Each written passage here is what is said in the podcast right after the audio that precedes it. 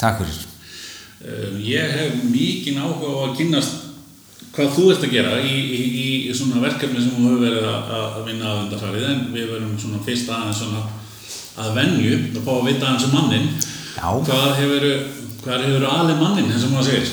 Já, ég hef svona margþætta starfsreynslu að baki já, en fættur og uppalinn á, á tálknafyrði það er ekki döður sig og kom hér í bæinn á sínum tíma eins og margir svona utan að landi og, og fór að menta mig. Já, og ég ætlaði alltaf að verða bara yðnaðamaður Já. ég er svona af langri ætt yðnaðamanna ok. Og fór og, og mentaði mig til þess að verða rafendavirki og, og svo bætti ég við mig og var rafvirki og, svo er ég í grunninn bara það er döður sig og vann svona við það í, í daggóðan tíma. Já, en svona til hlýðar þá var ég ofta að taka að mér bara svona veislustjórn og er mikið verið að vinna í, í ferðaþjónustu. Ok. Og það gerðist aðeins svona breyttist mikið í mínu lífi svona. 2004 þá fór ég aftur vestur á Tálnafjörð og, og tók við svona búi fóreldra minna. Og, og hérna tók sískinni mín að mér sem voru yngri en ég og, og það er eiginlega stökk ég svolítið inn í starf sem að móðu mín var að sinna. Ok. Og það var að vera svona yfir íþróttamiðstöð og tjálsvæði og upplýsingamiðstöð. Já, já, og ég man eftir því þá þá er ég svona 24 ára. Já, þá tók ég ákvörðun um það að ég ætlaði að reyna að taka svona bara þátt og taka svona virka þátt í öllu sem að mér er í búið að taka þátt í sem tengdist svona ferðamálum og, og ferðarþjónustu spennandi. Og ég endaði þar í, í að gerast stjórnamaður í, í ferðamála samtökum Íslands mm. og, og vann mikið á svona stefnumótum og, og annað svona sem tengdist kvataferðum til vestfjalla já, já, já, og, og vann mikið svona við, við ferðasýningar og setja upp kynningar og koma svolítið svona fram. Þannig að ég eh, svona í gegnum tíðina hef ég svona mentað mig svolítið svona í þessu bara svona og lært af öðru góðu fólki í kringum mig. Að, að kynna hluti og, og setja það fram á skemmtilegan hátt. Já.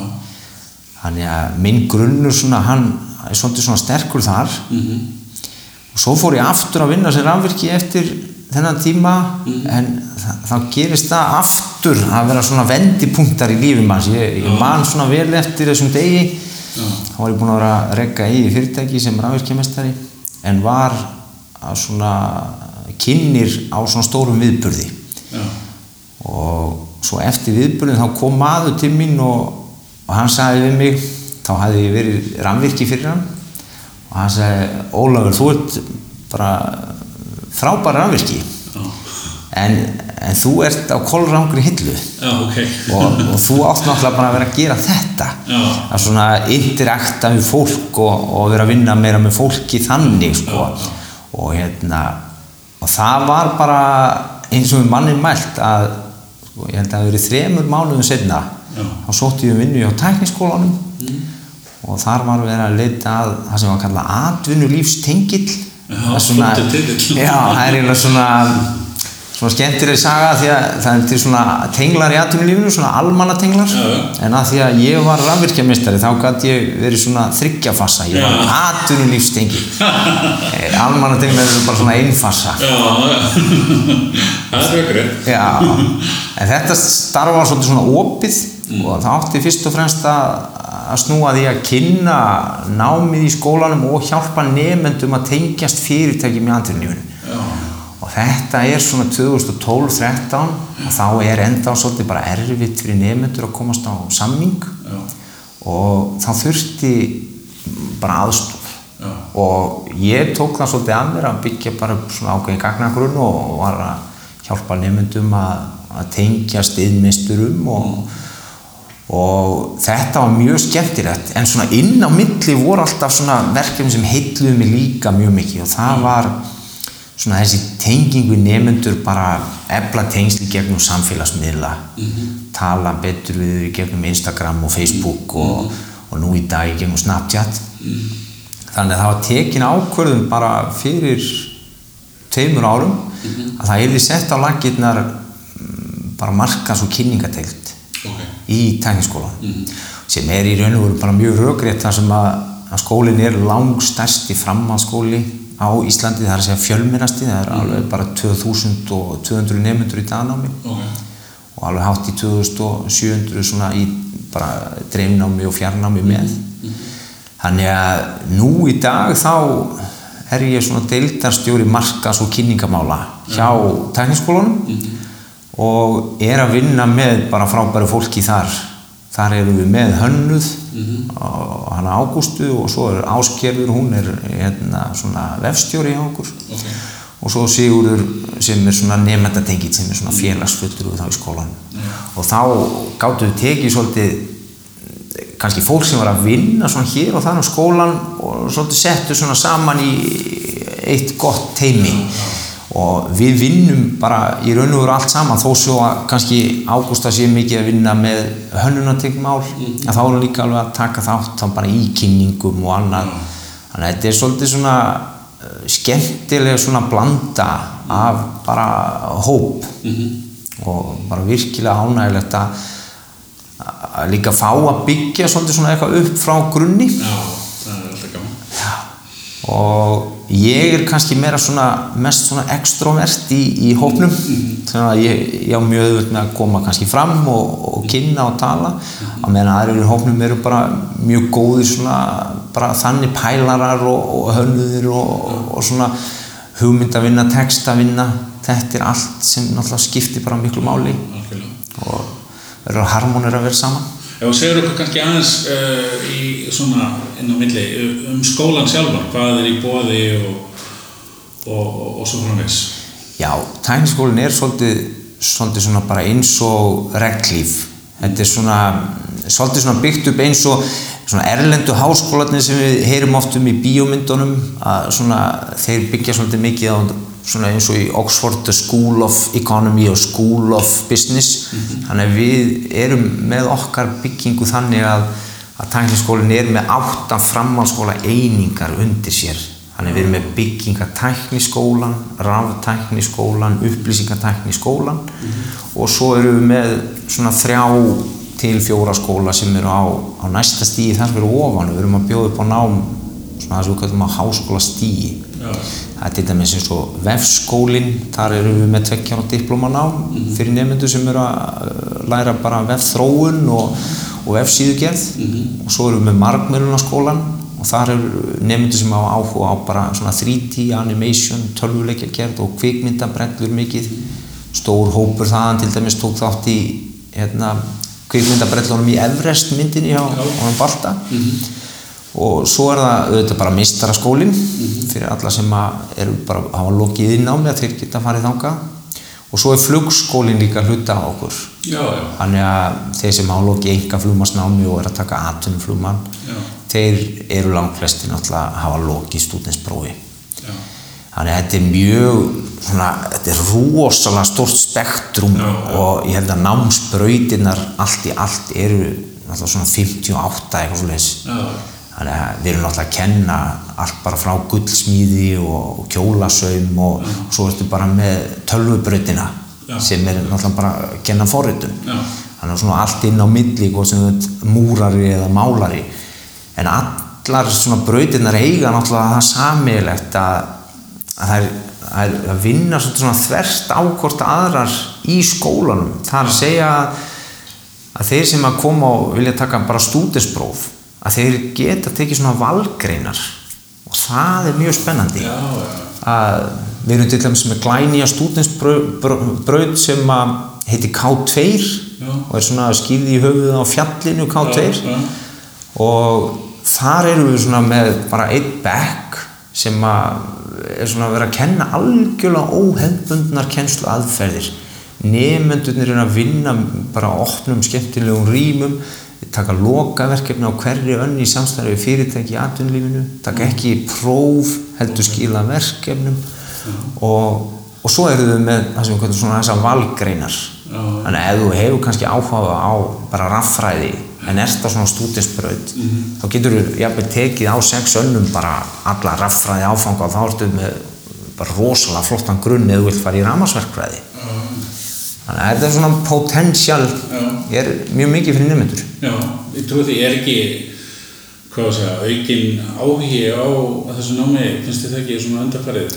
Jú, ég held að svona, þó ég segi sjálfur frá, þá held ég að ímynd bara tækniskólan sé alltaf að sækja í sig veðrið og við erum svona að byggja upp bara ímyndina.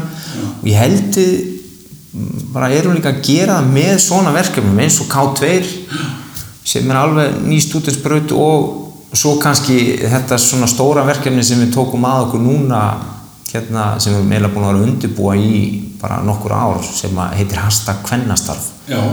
og það er svona verkefni sem að við viljum reyna að nota meira svona innan gæðsalamba svona content svona verkefnum þar sem að við getum kannski verið að tala um ákveðna hlýðar á bara námi og á vinnu en samt tengja það við eins og við erum að gera í þessu tilfelli bara við tækniskólan og við fyrirtæki í atvinnunum sem að tengjast okkur svolítið. Þannig að það var eitthvað sem að varður líka miklu bara stærra heldur en við byggust nokt í hva, hvernig, segja mér aðeins frá því betur, Hver- hvernig, hvað var uh, tilgangunum og hvernig að planið var og, og markmiðin og, og slikt frá því, því verkefni? Þetta svona uppháflega þá uh, kannski var þetta þannig að það var búið að tala mikið um það bara hjá yfirstjórn skólans. Bara hvað getum við gert til þess að reyna svona kannski vekja aðtikli og áhuga bara fólks í landinu og kannski ung, ungra krakka sérstaklega á bara námi í dæmiskólanum. Já. og það var kannski svona fyrst grunnurinn og að því að við erum auðvitað bara í þessum bransa að reyna að fá nefnendur inn til þess að læra hjá okkur. Svo fórum við eh, núna í síðasta haust. Þá fórum við svona í þetta fullri alvöru. Ok. og þá réðum við inn eh, verkefnastjóra í teimi hjá okkur sem heitir Ágústa Sveinsdóttir. Og, og henni var svolítið svona bara dent út í djúbulauina að bara við vorum alveg komið með þessa pælingu getum við haft svolítið svona fókusin á kannski bara stöðu kvenna? Já. að því að við vorum búin að sjá aðeins, það er náttúrulega við vissum að var misræmi þar að segja að voru færri konur að skrá sína ám og færri konur að útskrifast en við gerðum okkur enga veginn grein fyrir þessum rísa svona þröskuldi eða svona þessum rísa skurði sem er eiginlega bara á milli. Að tökum bara sem dæmi fjölda allra sem hafa útskrifast með bara sveinspróf og þá tölum við um bara allir þeir sem hafa útskrifast líka úr hárgreðslu þeir sem hafa útskrifast líka bara úr hérna, kjólasöum og klæðskurði og guldsmíði og, og snirtifræði Já. bara greinar sem eru núna í meiri hluta konur og hafa alltaf verið Já. þá er samt staðan þannig að 84% allra sem hafa útskrifast með sveinsprófi eru karlmenn. Og 16% konur 2017, eða 16? Já. Eða svona, já. Já, yfir, þessum, já bara, bara í raun og veru frá svona, bara frá því að við byrjuðum að gefa Já. þá er þetta bara staðan en svo fyrir að skoða þetta svona rýna aðeins betur í þetta og það sem við svona lögðum alltaf upp með að, að við vildum hafa svona skemmtilegt content við erum búin að vera að vinna svolítið mikið með videokontent og, og búin að vera að vinna þar með alveg frábærum hérna, tökumanni Allan heitir hann. Og þá var það svona pælingin getum við tekið eitthvað svona út úr þessu mengi? Að því við erum með alveg bara eitthvað tugi greina og við þurftum að velja kannski fjórar greina sem við ætlum að leggja áherslu á. Og búa til bara svona fjórar mínidokkur. Já. og þá völdum við við völdum bifvélavirkjun við völdum matreyslu við völdum flug og vélstjórn. Ok. og margir myndu eflust hugsa að, að matreysla eða vera kokkur? Mm. er það eitthvað? En það er ekki nema 28% skilur sem að eru að sem verið útskrifaðar eða eru útskrifaðar. Svona pluss mínus eitthvað. Þetta er ekki nema eitthvað í cirka 30% konur. Ok. þannig að 70% kallar í þessum bransa. Og við fórum svona á stúan og fórum að taka viðtöl við svona bara nema sem er að læra í dag. Og svo rættuðu við fólk sem er að vinna í bransanum í dag. Og skemmtilegt svona Hrefna Sætran hérna, náttúrulega bara sjómanskokkur hún var ótrúlega spennt að tala um þetta við okkur og, og hún sagði svona svolítið skemmtilegt sem að sumeraði svolítið upp svona pælinguna í þessu hjá okkur. Að hún sagði ég með langaði alltaf að vera kokkur en ég vissi það samt ekki þegar ég var lítil að ég sá yngar konur vera að vinna sem kokka. Þannig að pælingin líka með herrferðinni hashtag hvernastarf er svolítið að svona varpa ljósi á bara fyrirmyndir. Já. bara sterkar hvern fyrirmyndir í svona bara karlægum greinum. Já, sjáum bara eins og með vélstjórnina að það var bara það var bara ólöglegt fyrir árið 1974 að kona færi í vélskóla Íslands. Það var bara við inn í þessum mínidokkum þá rættu við nefnilega við fyrstu konuna sem útskrifaðist úr viðkomandi grein. Já, ok. og fyrsta kona sem útskrifaðist til dæmis úr vélstjórn hún er kennari hjá okkur í tennskólanum dag. Og þetta var svona árið 1974 þá skráður þessu í nám útskrifast 76 og hún var hérna bara dúksnemandi úr hérna kvennaskólanum. Já, og svo sagði pappina við hana hérna á sín tíma herru það er vist búið að breyta lögum. Þú mátt skráði í vélskólan og henni fannst það svo sniðut og hún sagði já ég ætla bara að skrá mig en kennararnir hennar í kvennaskólan þegar við frétta þessu, þeir voru ekki sáttu með þetta. Þeir sögðu bara hérna, þetta er bara að sóa lífið þetta er ekki fyrir konur. Þannig að það er ekkert svo langt síðan. Nei, nei. Og líka bara fyrsta konan sem að hérna útskrifaði sem hérna pípari. Já, Já, það var eitt af myndbundunum líka fyrir ekki. Ég, hérna, það er pípulagnir það, er, það var mjög sérstakt. Þegar vorum að leita að bara fyrstu konunni sem útskriða sem pípari. Að þessi, hérna, skjöl og svona skráningar hefur áðuneytinu og hagstofunni þetta, það er ekki svona hlaupið að fá þetta. Þetta var eiginlega orðið svolítið eins og ykkur svona engaspæra mynd við vorum svona fann að ringja á milli og svona herðu ég fréttur til heima hana fyrir austan fjall. Já. og hérna já hún heitir býtu Guðrið, nei, nei. Svo ringdu við ykkur á það nei, það er, nei, nei, nei, það var ekki þessi. Og svo man ég Ágústa ringir eftir hann í mig og svo herri ég er búin að finna hana. Hún á heima á Blöndósi. Já, við erum að fara á Blöndós, bara á morgun. Og svona hérna, og það var svo gaman að allir að konuna tóku svo vel í þetta. Já. af því að þær finna svolítið ennþá fyrir þessu hvað þetta skiptir miklu máli.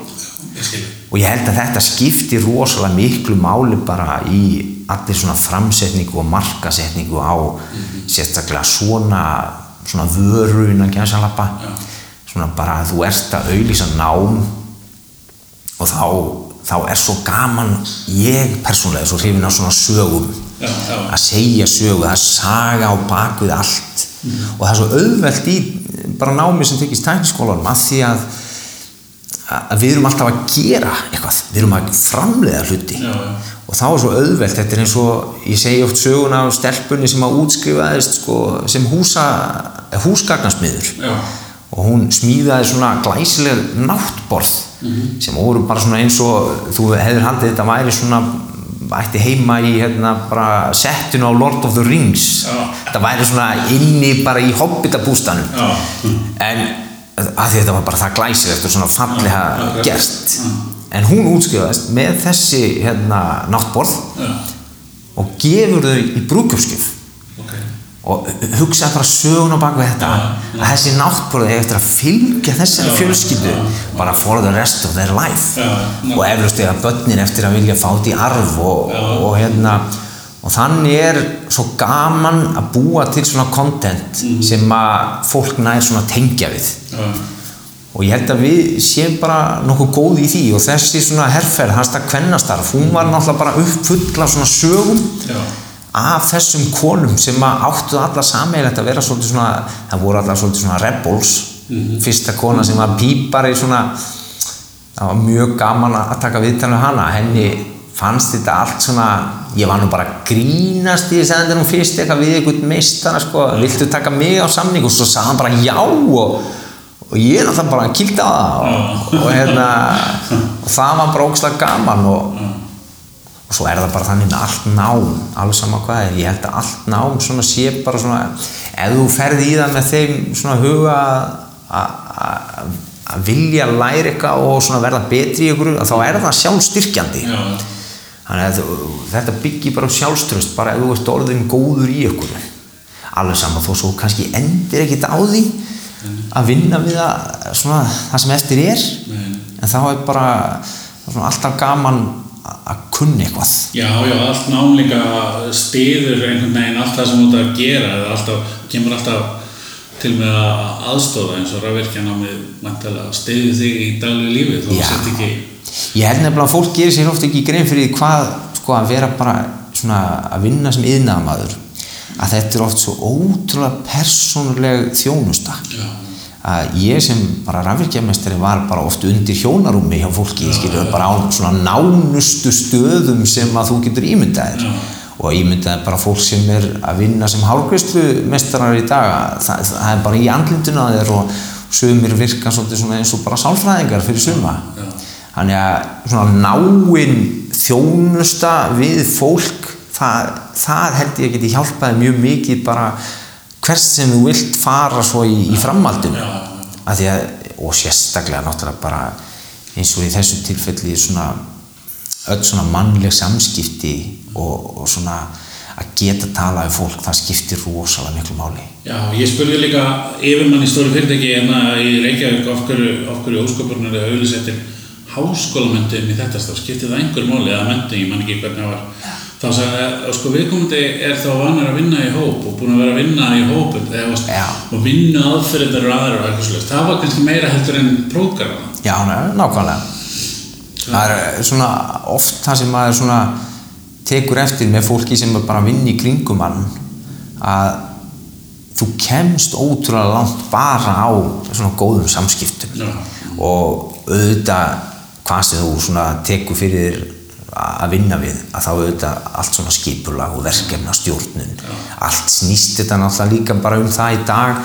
Að ég held að það hefur gerð könnun á meðal sko 400 stærstu svona fyrirtækja í heiminum. Að það voru 400 fóstir og spurðið hvað er það fyrsta og hvað er svona helsti kosturinn sem kemur upp í hugan þegar þú ert að ráða nýjan starfsmann? Og það er einmitt þetta að geta unnið í hóp að bara 90% af öllum sem svöruðu þeir sögðu þetta. Og ég held að rosalega stór hluti af svona allir vinnu hérna heima allavega er unnin svona í teimum og þá er ótrúlega frábært að geta bara verið með svona fagmann í hverju svona hodni og ná einhvern veginn fram því besta Já. úr fólki.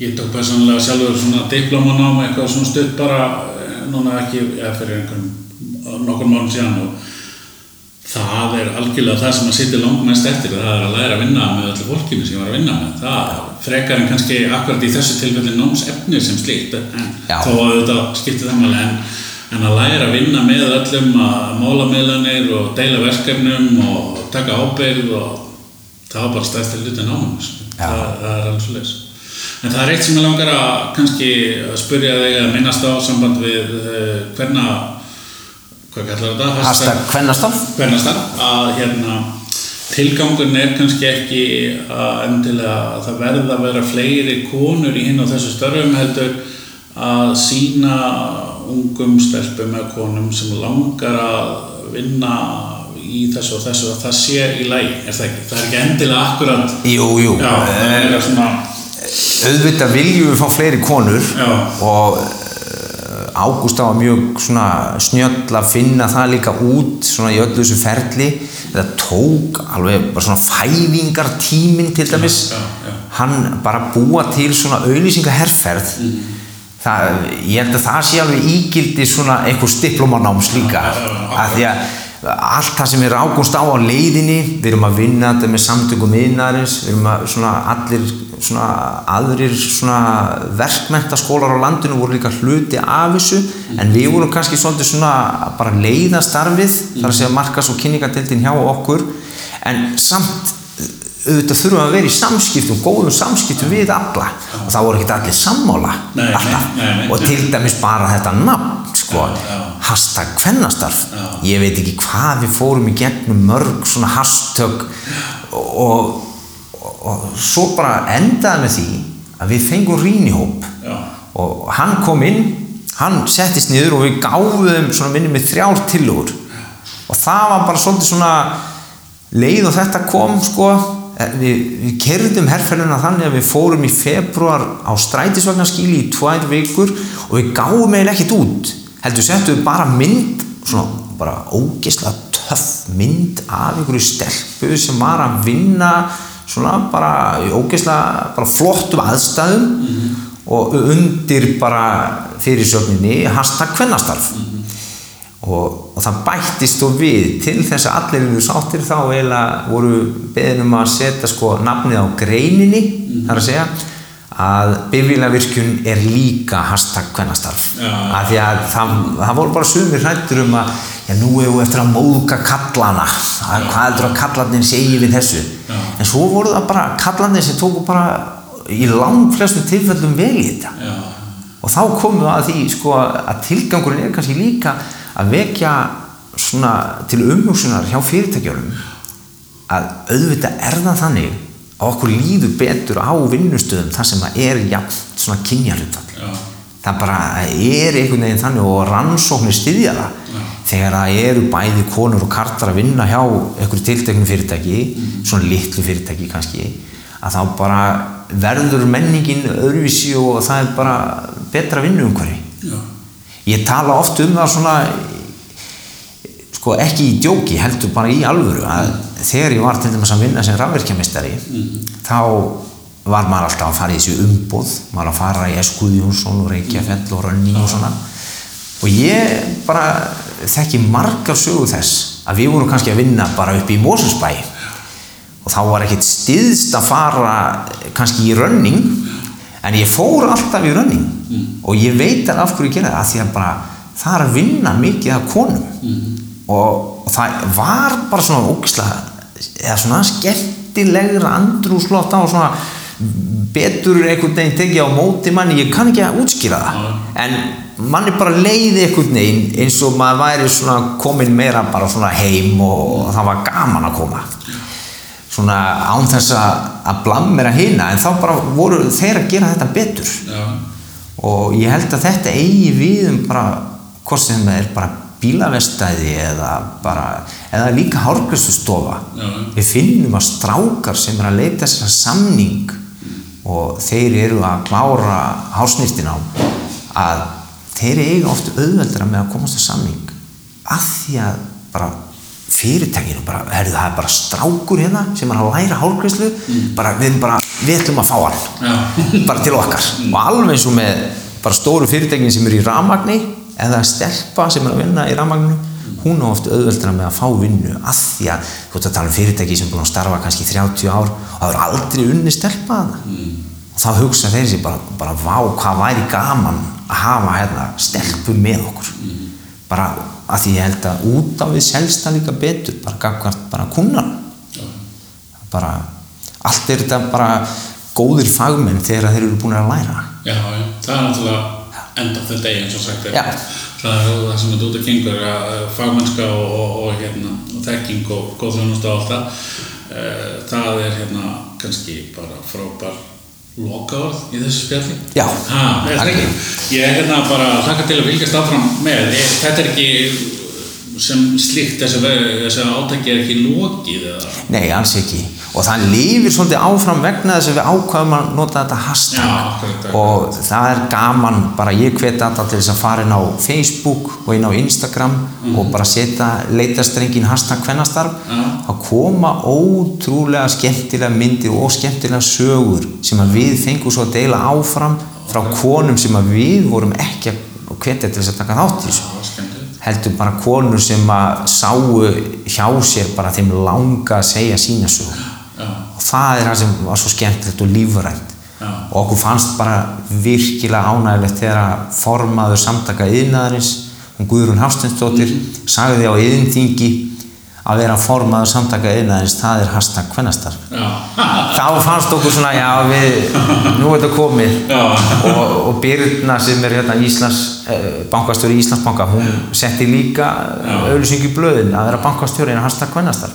Þannig að mjög gaman að við náum svona að smita þetta bara út í samfélagsumræðina. Þetta er bara gott dæmi um markastarf, hvað sem þú sést uh, í hverju sem þú ert sko, þannig að þetta er, þetta, er bara mjög flott og hérna bara ósku ykkur til hann mikið með það, mér finnst þetta glæsilegt og takk fyrir spjallið. Takk fyrir að bjóða mér.